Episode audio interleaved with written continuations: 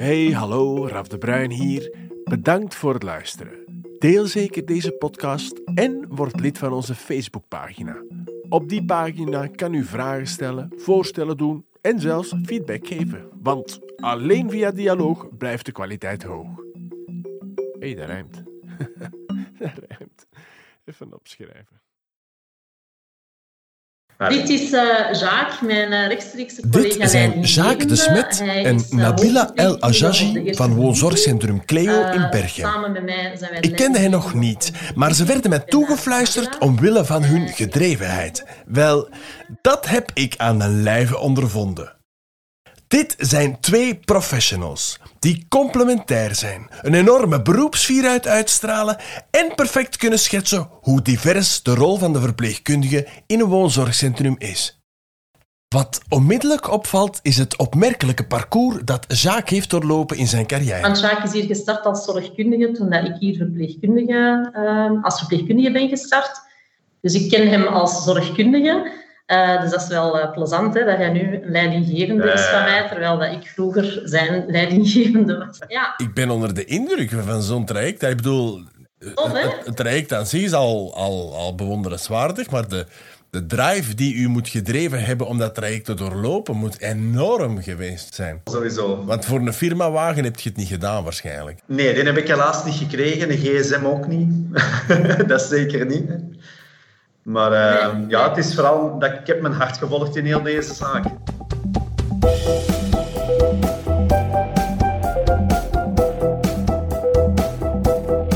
Mijn eerste job dat ik doe is pas hier, in de geriatrie, in een woonzorgcentrum. Was voor mij ook allemaal nieuw. Dat was zeer verrassend. Maar ik ben hier beginnen werken en hetgeen dat mij zo hard geraakt heeft, is vooral de band die wij met ons mensen opbouwen. En dat is een band gecreëerd eigenlijk vanaf dag één. Mensen komen hier binnen, nieuwe mensen. We hebben een afdeling van 38 bewoners, maar dat zijn ook 38 verschillende bewoners, met allemaal hun eigen bagage, hun achtergrond, hun voorgeschiedenis, hun medische problematieken. Maar dat is allemaal bij de binnenkomst. Maar het volledige traject van binnenkomen tot het begeleiden tijdens goede tijden, minder goede tijden, ziekteperiodes, ziekenhuisopnames, um, tot zelfs familiale zaken, mensen die het moeilijk hebben met, met hun, hun uh, familie, um, banden die ze verbroken waren, waar wij misschien onrechtstreeks wel een helpende hand in kunnen bieden om die misschien terug naar boven te brengen. Dat zijn allemaal fascinerende zaken die ook in een woonzorgcentrum aan bod komen. Om nog maar te zwijgen van de mensen die in een eindfase terechtkomen. Maar dat is ook nog eens het extra boeiende. Want dat is dan de, de palliatieve zorg, de, de, terminale zorg. Dat is ook iets waar mijn hart ook nog eens dubbel en dik bij ligt. Dus als ooit een moment komt dat mensen in een, uh, in een eindfase terechtkomen, palliatieve fase, dan, en Nabila juist hetzelfde als ik, wij hebben alle twee hetzelfde gedacht. Dat is een fase die perfect moet verlopen. Mm -hmm. Wij stellen de zorgen zo hoog in het vaandel dat... Uh, dat de zorgen juist moeten zijn, dat de communicaties juist moeten zijn met familie, met bewoner, interdisciplinair, collega's onderling, met artsen. Dat is ook nog het uitdaging in, in onze job, het communicatief aspect tussen alle partijen. Het multidisciplinaire, voilà. want alleen kunnen wij niet. Nee, hè? zeker niet, zonder alleen, ons verpleegkundigen. Eigenlijk, nee. alleen als verpleegkundige uh, kun je niks realiseren en kun je ook niet alles betekenen wat je wilt betekenen. Hè? Nee, je hebt een multidisciplinair team echt nodig en dat gaat van aan de poetsvrouw tot aan uw directie, tot aan de specialist in het ziekenhuis, huisarts, um, familie, de zorgkundige op de afdeling. Iedereen is eigenlijk een schakel in heel die ketting en allemaal met onze neus in dezelfde richting. Ja. En dat is die zorg op maat ja. voor de bewoner. En hoe gek dat het ook klinkt misschien, maar de eindfase van het leven, dat is echt het allerbelangrijkste en hetgeen dat mensen ook onthouden. Ja. Als mensen hier tien jaar verblijven, alles wat die tien jaar gebeurd is, dat zullen mensen, allee, familieleden dan vooral, um, vergeten. Maar wat dat er die tien laatste dagen of die vijf laatste dagen of die laatste uren uh, gebeurd is en hoe dat wij daarin uh, hebben kunnen steunen en helpen, dat is wat die mensen bijblijven. En die dankbaarheid, Ja. dat, dat kun je niet beschrijven. Dat vergeten die nooit, dat, die is, mensen. dat is eigenlijk onbeschrijfbaar als die mensen dat echt vanuit hun hart uh, blijven zeggen. En wij hebben nog, hè, ik weet niet hoeveel contact met mensen. Sowieso, sowieso. Waarvan dat hun ouders die hier bij ons overleden zijn. En we spreken dan van vijf jaar geleden, zes jaar geleden. Herinner je nog de bassist uit de intro? Wel, die bassist heeft een keuze. Hij kan kiezen voor de gemakzuchtige weg door te blijven spelen met overwanten aan. Maar dit wordt op de lange duur saai. De kwaliteit van de muziek gaat achteruit, hij verliest aan populariteit en wordt minder gehoord. Komt daar nog bij dat het risico groot is dat een betere bassist zijn plaats zal innemen. Maar gelukkig is er ook een andere piste. Die bassist kan zijn skills niet alleen onderhouden, maar ook uitbreiden en vernieuwen.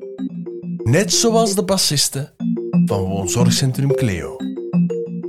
Wij zijn ook de bruggenbouwers naar de, naar de huisartsen toe. Hè. Wij zijn inderdaad de spreekbuis naar de, naar de dokter, naar de familie toe. Dat Wij, ja, wij zien de bewoners hier, zien wij eigenlijk dag in, dag uit. Ja. Uh, gedurende een periode, soms heel kort. Het gebeurt ook dat er mensen heel kort bij ons verblijven, maar er zijn ook mensen die jaren dag hier bij ons op de afdeling verblijven.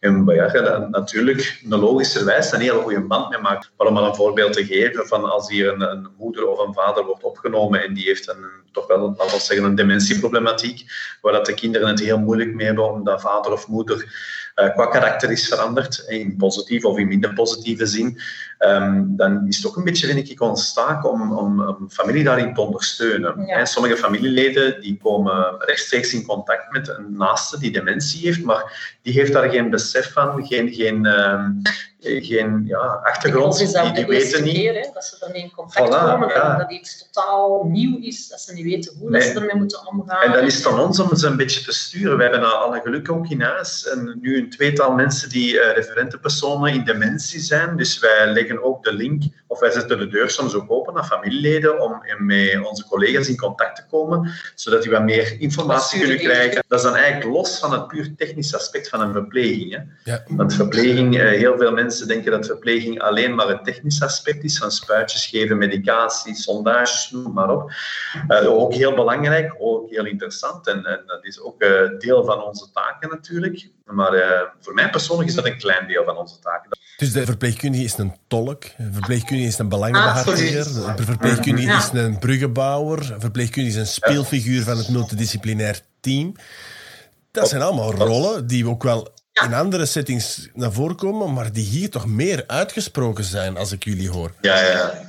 Heel belangrijk. Voor ons, voor ons zeker wel. Ja, ja. Dat en, ons, en ook voor de familie. Hè. Familie en bewoners, dat, dat hebben ze nodig. Want als je dat biedt, dan merk je ook dat er een zekere uh, ontspanning is en meewer medewerking. Mm -hmm. en, en ja, je krijgt ook gewoon meer gedaan als je ook de tijd neemt om, uh, om de mens achter die bewoner, achter die patiënt ja. te zien. En hoe, hoeveel uh, waarde dat wij hebben en hechten aan familie, die zijn van goud waard familie, want die kunnen ons zo hard ondersteunen.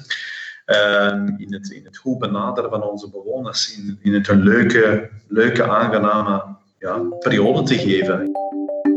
Nabila, Jacques, Veronique, Hilde, Anke en Lauren een welgemeende dank.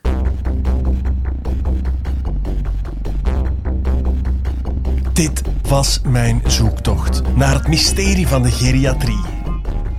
Om af te sluiten vroeg ik aan mijn gesprekspartners hoe een radiospot over geriatrie moest klinken. Wel, hun mening was duidelijk. Modern, catchy, uitdagend, gedurfd. Ja, ik denk ook gewoon de naam geriatrie. We moeten de naam veranderen. Eh, wel, ik vind ja. dat een kei goed idee. We moeten de naam veranderen. Maar ja, iets met een G. Als ik eens even... Uh, oh, ik heb het al gevonden. De G-spot. Ja, Raf, daar gaat het niveau van deze podcast. Nu, het uiteindelijke resultaat klinkt als volgt. Is dit voor jou een doolhof van verschillende pathologieën met een cocktail van medicijnen in een complex sociaal web. Jouw creativiteit is een must. Je bent de bodyguard. Je bent een ridder van de ronde tafel. Sterker nog, jij bent de speelfiguur. Inzetbaar op alle niveaus van de zorg. Is dit voor jou? Dit is enkel voor durvers.